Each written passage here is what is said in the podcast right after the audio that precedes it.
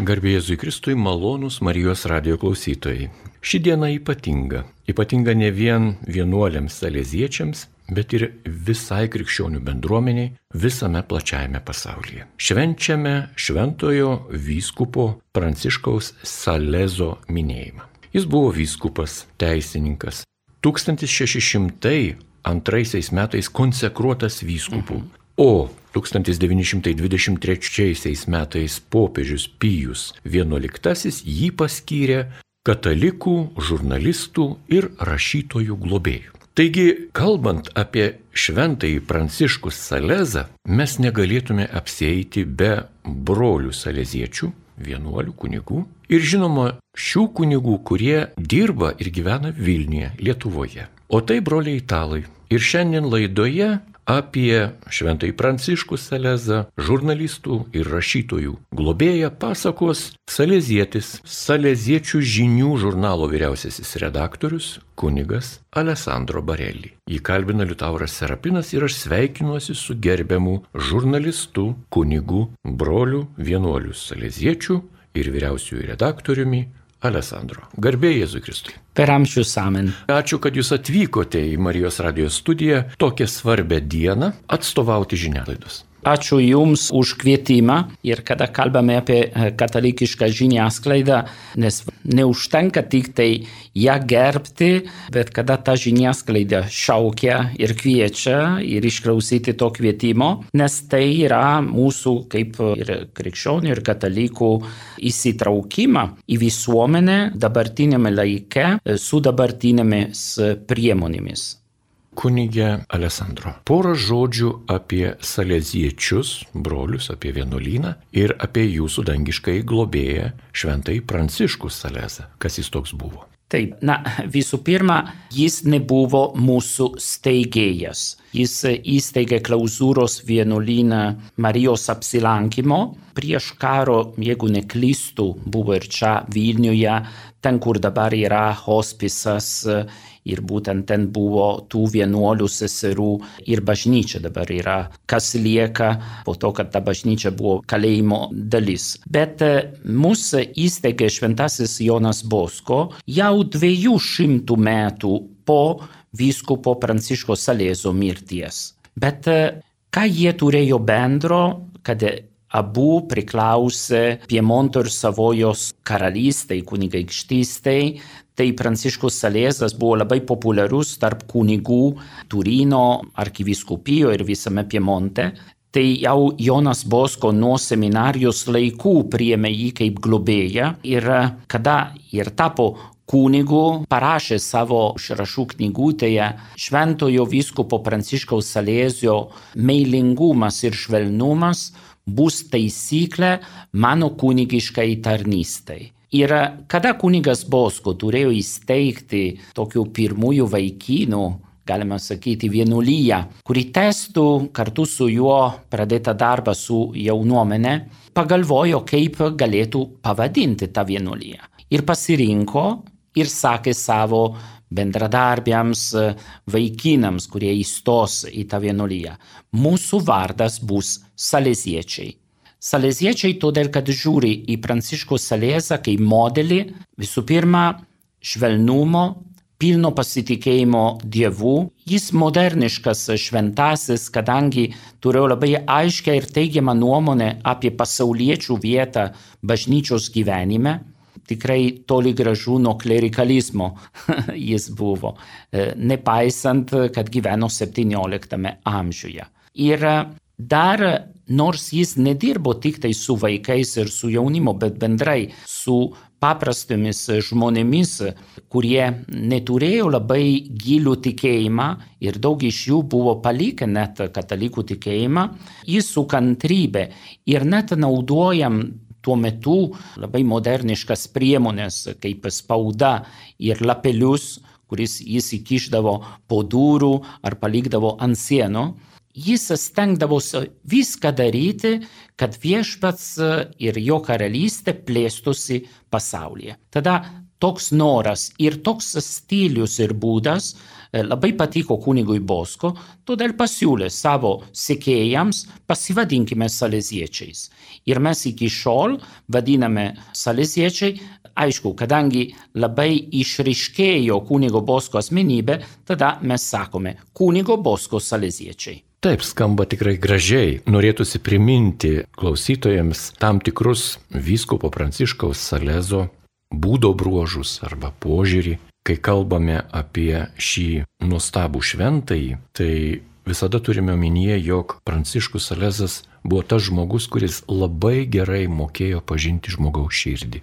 Kas yra širdyje, tai yra ne jausmai, tai yra kas žmogaus yra viduje, kas jo gelmėje. Ir šventai Joanai Šantalietė jisai rašo, citata, tokia turi būti pagrindinė mūsų klusnumo taisyklė rašau didžiosiomis raidėmis. Viską daryti iš meilės ir nieko nepriverstinai. Klusnumą mylėti labiau negu bijoti neklusnumo. Taigi, klusnumo bijoti nereikia, bet klusnumą mylėti. Kaip jūs kunigė tą priimate? Na, šventoje Salezo tokį paraginimą minti, ar šiais laikais tai vis dar aktualu?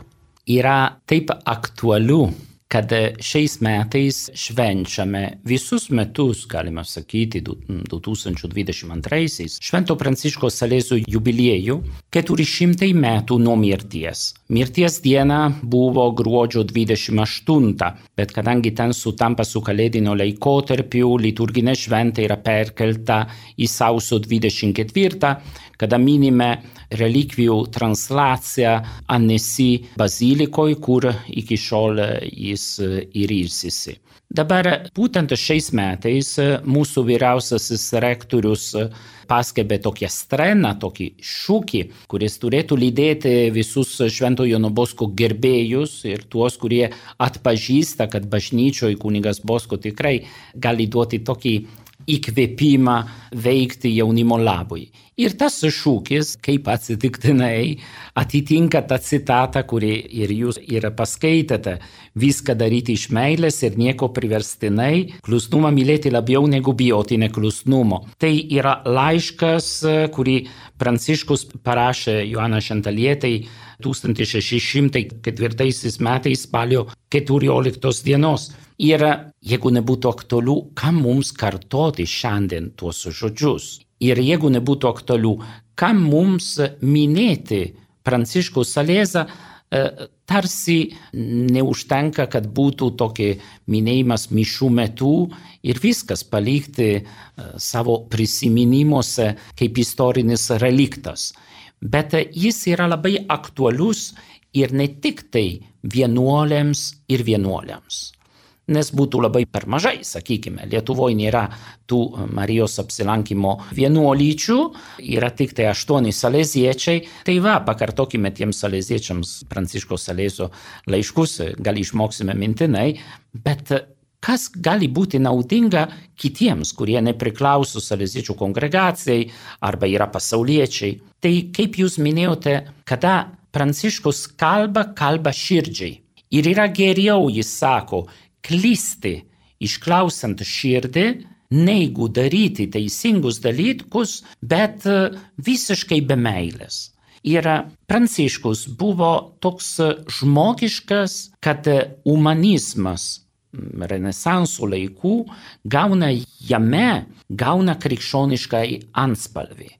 Neužtenka tik tai gerbti žmogų, todėl kad žmogus. Bet Pranciškus gerbė žmogų kaip Dievo vaikas. Ir kiekvienas žmogus turi savo vertę ne todėl, kad yra turtingas, ne todėl, kad yra kilmingas, ar todėl, kad užėmė kažkokias tikras pareigas. Bet kiekvienas žmogus yra vertas pagarbos ir meilės. Ir jeigu daro kažką netinkamo ar klysta, Pranciškus jaučia pareigas švelniai, meiliai duoti pastabą, nepriversti, nemesti savo tiesos, bet duoti jam gerą pavyzdį, kad iš tikrųjų galime daryti kitaip, galime galvoti kitaip ir kad viešpats, nepaisant, kad tu klysti, vis tiek ir myli tave. Atpažink tą meilę ir grįžk prie savo motivacijų, grįžk prie savo supratingumo. Tai va, suprantame, kad tais laikais, kada įvyko e, religijų ir konfesijų karai ir Pranciškus gyveno, e, galima sakyti, fronto linijo, kadangi jo viskupijoje, Ženevos viskupijoje, buvo kalvinistai ir tie kalvinistai, na, galima sakyti, neleido jam net eiti į savo katedrą, jie buvo užėmę Genevos katedrą. Pranciškus e, vadovavo savo viskupijai, kai vyskupas iš kito miesto netoli, 25-30 km, Annecy. Bet e, nepaisant tais laikais buvo tas karas, mes neturime atkartoti Pranciškaus veiksmus gyvenant kitoj visuomenėje. Šiandien Pranciškus būtų tikrai narsus e, palaikytojas ekumenizmo ir bendrų pastangų skirtingų krikščionių konfesijų padėti tiems žmonėms, kurie prarado tikėjimą ir atsitolino nuo Dievo. Nepaisant ant spalvų, ar tu katalikas, ar tu protestantas, ar tu pravoslavas. Pranciškus buvo žmogus, kuris gerbė ir kalvinistus, nepaisant tų laikų nesusipratimų ir viešų priešinimų iš vienos pusės ir iš kitos pusės. Bet jeigu mes suprantame jo mintis, tada einam į širdį žmogaus. Tas paklusnumas atitinka paklusnumas Dievui, paklusnumas viešpačiui, kuris siunčia mus į visą pasaulį ir nesako, tu daryk skirtumą, ar šitas žmogus yra toks, ar šitas žmogus yra kitoks, ar jis galvoja taip, ar jis galvoja kitaip. Viešpats nedaro tų skirtumų ir Pranciškus to suprato ir norėjo perduoti būtent visiems kitiems. Kunigė Alessandro, jūs jau paminėjote, jog šventasis Pranciškus Salezas buvo ypatingas žmogus ir jeigu šiandien jis gyventų, jis žinoma būtų vienas iš tų, kurie ekumeninį krikščionių vienybės reikalą turbūt, kad tikrai neapleistų ir laikytų labai svarbiu. Taip jau sutapo kad šį savaitgalį Lietuvoje prasidėjo malda už krikščionių vienybę ir vėlgi krikščionių vienybės kontekste savo tokiame giluminėme norė, kad visi krikščionys būtų vieningi, mes turime gerą užtarėją, būtent viskupą Pranciškų Salezą. Ir žinoma, be galo svarbu yra tai, kad popiežius šį šventai paskiria rašytojų ir žurnalistų globėjų, dangiškuojų globėjų. Kaip Jūs manot, kodėl popiežius Pijus XI jį paskyrė po pirmo pasaulinio karo, tuo trumpu taikos periodu paskyrė būtent šį šventąjį ir būtent tokiai svarbiai sričiai, misijai. Žiniasklaida tuo metu pradėjo savo darbą viešą taip ir įsijungė į bažnyčios gyvenimą. Kodėl tai įvyko? Na, visų pirma, turime suprasti, kad popiežius Pijus XI labai įsitraukė į to laiko naujoves. Nepamirškime, kad buvo neseniai įkurtas Vatikano radijas, jo dėka, nors daug žmonių žiūrėdavo įtartinai apie tas naujas priemonės ir galvodavo, kad ai, yra laikraščiai ir jie užtenka, yra knygos ir užtenka. O popiežius suprato, kad kuo daugiau mes pasieksime žmonės, tuo daugiau galės pasiekti juos Dievo žodis ir bažnyčios tokią tikrą poziciją be tarpininkų ar be filtrų. Nes mes galime įsivaizduoti vitražo procesas. Jeigu stiklas yra labai švarus arba yra šviesa spalva, vitražas labai daug šviesos leidžia pereiti ir patalpoj atsiranda šviesos iš saulės. Bet jeigu vitražas yra tamsios spalvos arba net yra ir purvinas, nenuvalytas, tada saulės šviesa šviečia nuostabiai, bet į tą kambarį, į tą patalpą nepatenka. Ir nėra problema tos šviesos, o problema yra, kad vitražas, stiklas nepraleidžia.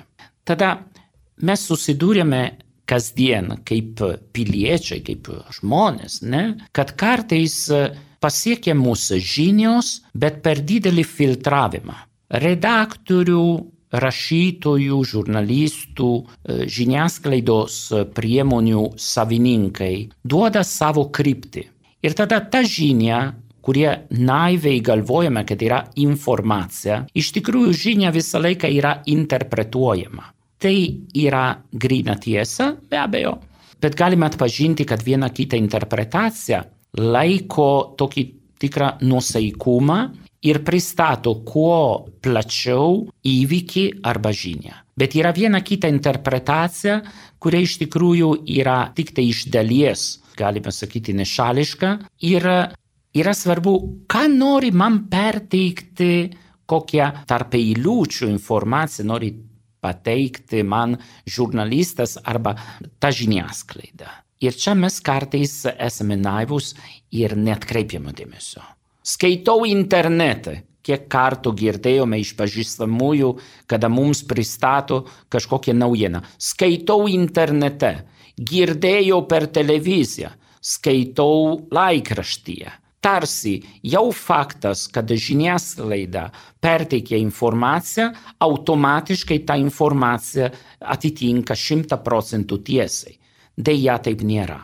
Bažnyčia šitą suprato ir suprato, kad mes neturime pudrinti informacijos ir meluoti patys, pateikdami žinių tik tai iš savo pusės, nu, pagražindami, tylint problemas ar tai. Ne. Katalikiška žiniasklaida būtent XIX amžiaus pradžioj pradėjo būti ne kaip alternatyva pasauliniai žiniasklaidai, bet paraleliai Tai reiškia, ir bažnyčia gali pasakyti savo žodį, gali pristatyti savo informacijas, gali perteikti žmonėms pagalbą suprasti įvykius.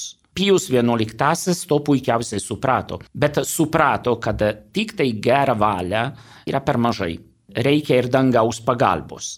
Be abejo, tikintieji žurnalistai ir žiniasklaidos veikėjai, kurie tiki, meldžiasi ir turi sąžinę ir turi atsiskaityti su tą sąžinę. Kada žmogus eina pas kunigą ir sako, aš melavau, jeigu tu esi žurnalistas ir sakei, aš melavau, tas tavo melas buvo išgirstas labai daug kitų žmonių ir tu turi ir pataisyti tą nuodėmę, kad žmonės sutiktų ir tiesą, o ne tik tai melu. Tada davė rašytojams bendrai, yra keletą tų globėjų, ne tik tai vienas, bet ypatingai žurnalistams Pranciškus Salėza. Ir kodėl? Dažniausiai globėjai yra priimami iš tų veikėjų, kurie turėjo kažką bendro su ta profesija, su ta veikla. Pranciškus Salėzas rašė knygas, rašė traktatus, todėl kad suprato, kad į jo bažnyčią negalės eiti visi krikščionys dėl to, kad yra labai daug įbaugintų, labai daug bijo, buvo pagrasinimo. Kas eis klausyti to naujo klebono, turės rimtas problemas.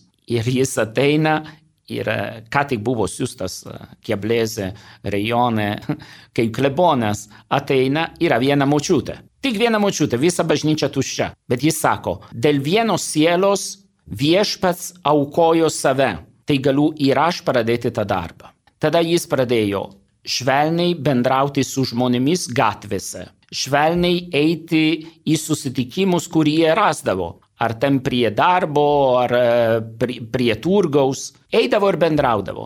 Ir žmonės matė, kad tas kunigas nenori prievartauti jų, nenori primesti kitas mintis, bet nori pasidalinti, nori bendrauti ir gali atsakyti į rūpimus klausimus. Pranciškus suprato, kad jis negali pasiekti visų, eiti kiekvieną dieną į turgų ir taip toliau, pradeda rašyti tokius, jis pavadindavo manifestus. Tai buvo tokių lapeliai, įsivaizduokime apie A3 formato, kuris rašydavo tokius tikrus pasidalinimus, klausimus, atsakymai, problemos, girdėjau, kad žmonės sako taip, bet iš tikrųjų yra kitaip. Ir jis tuos manifestus pradėjo pakabinti per miestelius, per kaimus. Be abejo, paragino žmonės, kurie mokėjo skaityti ir padėti tiems, kurie nemokėjo skaityti.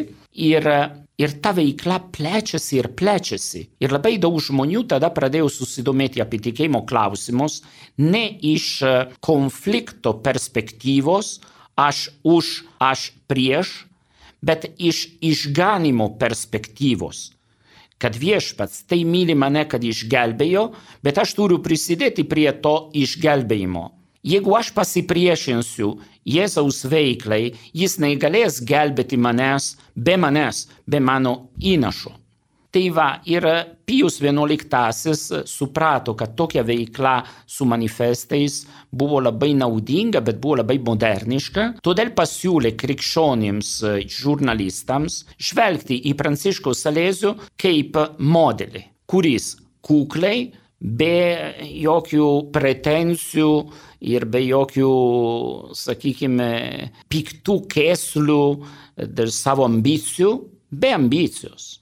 Gali pristatyti informaciją ne tik tai tiesioginę religinę, bet taip pat informaciją apie moralę, apie moderniškus laikus, apie mūsų laikus, kad žmonės nebūtų išblaškyti ir nebūtų ypatingai suklaidinti. Kovoti prieš klaidos, ne kovoti prieš kabutėse bažnyčios priešų. Bažnyčia neturi priešų tarsi, kad turi pradėti kryžiaus žygių šiandien. Bažnyčia turi vieną priešą, tai yra šetonas. Ir šetonas naudoja vieną ginklą, tai yra melas arba klaida, nuodėme, kad galėtų tolinti žmonės ir juos suklaidinti. Tada, kada mes dirbame Dievo darbą, Ar mes esame pasauliečiai, ar mes esame kunigai, ar mes esame katalikai arba krikščionys, kurie priklauso kitai konfesijai. Jeigu mes kovojame prieš klaidos, prieš melio, už tiesą, už teisingumą, už teisingumą taip pat visuomenėje, darbo reikaluose arba politikoje, tai esame Dievo pusėje. Ir gali pasitarnauti ir žiniasklaida. Aš ne lietuvis, bet net ir aš suprantu, kad žodis žiniasklaida yra žinios skleidimas. Ne ideologijos skleidimas, o žinios. Ideologija yra jau tokia tamsia spalva per tą vitražą ir neleidžia pereiti šviesai. O kada jau žinios perteikimas, palieku ir žmogaus atsakomybei ir suprasti tarp eilučių, ką galima ir veikti, kaip galima priimti tą informaciją. Malonus Marijos radio klausytojai, šioje laidoje jūs girdite pasakojimą apie šventąjį Pranciškų Salezą, kuris yra žurnalistų ir rašytojų globėjas ir būtent šiandien yra jo liturginė pagerbimo minėjimo diena. Šioje laidoje dalyvauja Vilniaus Švento Jono Bosko parapijos kunigas, Saleziečių žinių žurnalo vyriausiasis redaktorius Alessandro Barelli. Jį kalbina Liutauras Serapinas. Laidos pirmoje pusėje jau kunigė Alessandro jūs pristatėte ir patį šventąjį, ir kuo ypatinga yra krikščioniška žiniasklaida. Ir jeigu reikėtų na, apibendrinti pačius svarbiausius, pačius pagrindinius, pačius kertinius aspektus, kuo skiriasi krikščioniška žiniasklaida nuo eilinės žiniasklaidos. Nes šiandien mes švenčiame būtent krikščioniškos žiniasklaidos iškilmę, taip? Taip, na, galima atskirti visų pirma. Pasaulietinė ir krikščioniška žiniasklaida turi bendrus bruožus ir turi ir skirtumus. Kad turi skirtumus jau faktas, kada mes sakome katalikiška arba nekatalikiška, pasaulietiška. Noriu tik tai pabrėžti, kad katalikiška žiniasklaida nereiškia tik tai, kada parapijos klebonas Facebook'e arba ant A4 lapuko skelbė savo sekmadienio pamokslą arba kada rašome, nežinau, parapijos skelbimus internete. Katalikiška žiniasklaida yra ta žiniasklaida, kuri padeda Kristui pasiekti pasaulį su dabartinėmis priemonėmis. Radijas, televizija, vaizdai, internetas, spauda, knygos, Ir jeigu rytoj atsirastų kažką naujo, galima ir pridėti. Ir Twitter, mobiliajame telefone priklauso katalikiškai žiniasklaidai, jeigu padeda viešpačiui pasiekti pasaulį. Ta žiniasklaida nėra tik tai mėgėjų arba padaryta kambariukė, kurį įsivaizduojame, ne, kad uh, kažkokią kateketę arba vienuolytę sujungia popierėlius arba rankiniu būdu daugina puslapius. Gali ir tai būti, kadangi toj vietoj, toj parapijoj, toj konkrečioj situacijoj ta vienuolytė ir ta kateketė dalyvauja žiniasklaidos skelbime. Bet neatsiribokime tik tai prie mėgėjiškos e, veiklos. Katalikiška žiniasklaida turi ir profesionalius darbuotojus, arba etatinės, arba savanorius. Yra žmonės visame pasaulyje, kurie studijuoja komunikavimo priemonių technologijas, bet ir teologijas, ir sociologiją ir veda tokias laidas arba rašo straipsnius iš mokslinės pusės. Nes kartais rizikuojame priskirti katalikišką žiniasklaidai tik tai vienam ar kitam siauram ratukui, kur yra sakykime, keletą davatkų, kurios susirenka bažnyčioj, gauna tokį tikrą žurnaliuką, klauso tokią tikrą laidą, žiūri tokį tikrą pro programą. Tai va, čia yra katalikiška žiniasklaida. O pasaulietinė žiniasklaida čia yra masai. Nesutinku. Ką reiškia masė? Masė reiškia, jeigu turime omeny didžiulį žmonių kiekis, pagalvokime, kiek per vieną sekmadienį visoje Lietuvoje Yra žmonių, kurie girdi gerą žodį iš Dievo pusės. Ar aš abejoju, ar vieno kanalo televizijos pasaulietinio tą sekmadienį pasiekia tiek daug žmonių. Todėl masė pasiekia ir katalikišką žiniasklaidą. Tikslas šiek tiek kitoks. Jeigu norime kalbėti naiviai, galima sakyti, kad pasaulietinė žiniasklaida skelbia informaciją. Žiūrint šiek tiek konkrečiau, galima sakyti, kad pasaulietiška žiniasklaida yra pelno siekianti veikla ir pasirenka skaitomiausius straipsnius, skaitomiausias temas, būtent, kad kuo daugiau žmonių skaitytų, žiūrėtų, kreiptų dėmesio, reaguotų ir be abejo taptų ir prekės pardavimo elementai. Nes e, nepamirškime, kad e, žiniasklaida, ypatingai pasaulietinė, laikosi pagal finansinius dėsnius. Yra rinka, yra kas prašo kažkokią priemonę, kažkokią paslaugą ir yra kas moka už tą paslaugą, už tą priemonę. Todėl pasaulietiška žiniasklaida daro tokią tikrą informacinę funkciją visuomeniai, bet tikslas yra užsidirbti pinigus.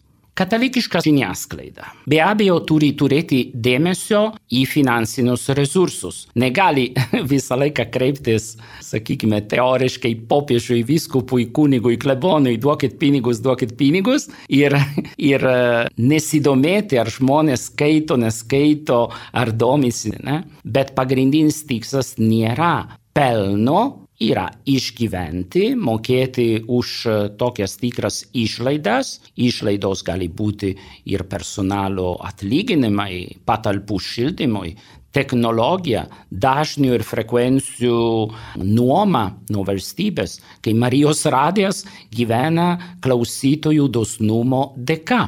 Bet Marijos radijas ar egzistuoja dėl pelno, ar dėl to, kad nori krauti žemėje turtus, ar todėl, kad nori, kad žmonės krautų turtus danguje. Tai va, jūs, kurie klausote Marijos radiją, manau, kad sutiksite su manim, kad katalikiška žiniasklaida turi tokią tikrą misiją ir pelnas nėra pirmoji vietoje. Kalbu iš patirties, ką tik baigėme su bendruomenės saleziečiais ir su savanoriais platinti saleziečių žinių kalendorių išleidome 25 tūkstančių egzempliorių, dalinome beveik visus. Turiu dar namuose 120 egzempliorių. Ir tie egzemplioriai buvo neparduodami, o dalinami. Vienas vyskupas, nesakysiu kas, vienas man sako, nu labai įdomi veikla tavo su saleziečių žiniomis, bet kodėl tiek daug spausdini? Ar negalėtum spausdinti mažiau? Ir sakiau, jeigu žiūrėčiau, kaip sutaupyti, galėčiau iš viso nerašyti saleziečių žinių, sutaupytumėm dar daugiau. Bet jeigu tikslas yra, kad kuo daugiau žmonių skaitytų, susidurtų su tokia tikra evangelizacija ir žinia, man net gaila, kad galėjau spausdinti tik tai 25 tūkstančių, o ne daugiau. Ir ar tai yra teisinga ar neteisinga, jums turiu būti atviras, nelabai žinau. Žinau vieną kad yra labai daug protingų ir geros širdies žmonių, kurie siunčia aukas ir rūpinasi, kad tie 25 tūkstančių egzempliorių būtų ne ant skolos, bet būtų apmokėti. Ir man buvo labai gera širdyje, kada vieną vakarą žiūriu per televiziją ir ten kalba vienas kunigas, kuris vargšiukas e, skundžiasi dėl sąskaitų šildyti bažnyčią. Ir iš tikrųjų tai bažnyčiai tikrai buvo, yra labai sudėtinga situacija. Bet paskui žiūrint e, į mūsų bankinę ataskaitas, kas savaitinę, kur gauname aukas žurnalui, žiūriu, kad tas pats kunigas dieną prieš tos laidos per televiziją siuntė labai dosnią auką saleziečių žinioms. Ir tada kaip suprasti? Suprantu tai, kad Dievas laimina mūsų darbą, mūsų atsidavimą, kaip jo žodžio skleidėjai. Ir čia yra katalikiškos žiniasklaidos ypatumas. Tada kokybiška žiniasklaida, atvira priimti visų pagalbą, neuždara diskusijai ir dialogui, su mandagumu, su pagarba vieni kitiems. Galime diskutuoti ir su tais, kurie galvoja kitaip, nes jie turi irgi teisę turėti savo skirtingą nuomonę. Bet aš gerbiu juos ir jie turi gerbti ir mane. Kada yra tokia dviejų pusių pagarba, tikrai galima diskutuoti. Ir galima iš tikrųjų apšviesti tą patalpą su langais nepurviniais ir netamsios spalvos. Dėkoju Jums, kunigė Alessandro, už pasidalinimą ir savo prasmingą kaip žurnalisto, kaip kunigo veiklą ir, žinoma, už pasidalinimą karčios patirties, kurios mes tikrai turime taipogi, matydami tam tikrus neteisingumus arba iškreiptą tiesą. Labai dažnai tas taikinys ir yra jų reikalai. Mes taip pat esame po tuo pačiu padidinamuoju stiklu. Ir krikščioniška žiniasklaida, kokia jį bebūtų, visada buvo taikinyje ir kritikos, ir nepasitenkinimų, bet taip pat gausiai buvo laiminama, gausiai buvo remiama ir jai buvo dėkojama. Laidos pabaigai, jeigu galima būtų apibendrinti šią laidą skirtą krikščioniškos, katalikiškos žiniasklaidos dienai, jūs kaip kunigas dirbęs ir gyvenęs ir Italijoje, ir Lietuvoje, Ko palinkėtumėte krikščioniškai žiniasklaidai Lietuvoje, o galbūt ko niekada nelinkėtumėte jai? Na, kadangi sunku apibendrinti katalikišką žiniasklaidą ar Italijoje, ar Lietuvoje, kadangi labai įvairi, aš norėčiau savo linkėjimą pasakyti katalikiškos žiniasklaidos darbuotojams. Tie, kurie įvairiausiais būdais prisideda prie katalikiškos žiniasklaidos. Linkėjimas yra išmokant pagal šventojo vyskupo Pranciškos Salezo pavyzdį būti Kristaus apaštalais, skelbti Dievo žodį iki pasaulio kraštų. Pasaulio kraštų ne geografinių, tolimiausių kraštų, bet sociologinių, kad mūsų visuomenė galėtų pasiekti tas Dievo žodis. Netiesiogiai Evangelija, bet krikščionių balsas arba bent krikščionių liūdimas, kad jis būtų matomas. Būkime apaštalai, kurie naudoja žiniasklaidą ne kaip tikslas, ne kaip būdas išreikšti savęs, bet kaip priemonė padėti Kristui plėsti karalystę. Ką labiausiai nelinkėčiau, sunku, nes turiu ir stengtis būti politiškai korektiškas. Bet ir kad neįžeisti, bet aš linkėčiau nepasiduoti pagundai, ieškoti populiarumo bet kokią kainą. Paukoti tiesos ir sažiningumo dėl skaitytojų ar klausytojų prieimimo. Kartais geriau, kad tu kalbėsi tiesiogiai, kuo tu esi. Būsi priimtas, būsi nepriimtas, negu suskistinti per daug savo tapatybę, krikščionišką, vardan, kad kuo daugiau žmonių priimtų. Mes neturime ieškoti prieimimo, o turime ieškoti, kaip pateikti Kristų. Nes jeigu Jėzus pasakė, kai manęs nepriėmė, nepriims ir jūsų, tai yra ženklas, kad jeigu tave visi priima, visi ploja tau ir ieško ir kviečia ir eini, gal yra pavojus, kad pristatysi nepilnai Kristaus tiesos. Tai aš linkiu nepasiduoti tokiai pagundai, ieškoti, na, sakykime, skaičių, rezultatų, iš tikrųjų tarnystės. Ačiū kunigė Alessandro už šios valandėlės pasidalinimus, išvalgas ir žinoma palinkėjimus. Taip pat ir jums, kadangi jūs esate taip pat vienas iš krikščioniškos žiniasklaidos kuriejų, mes linkime ilgiausių metų, jėgų, kūrybingumo ir bendra minčių, bendradarbių, kad jie padėtų jums atlikti šią misiją.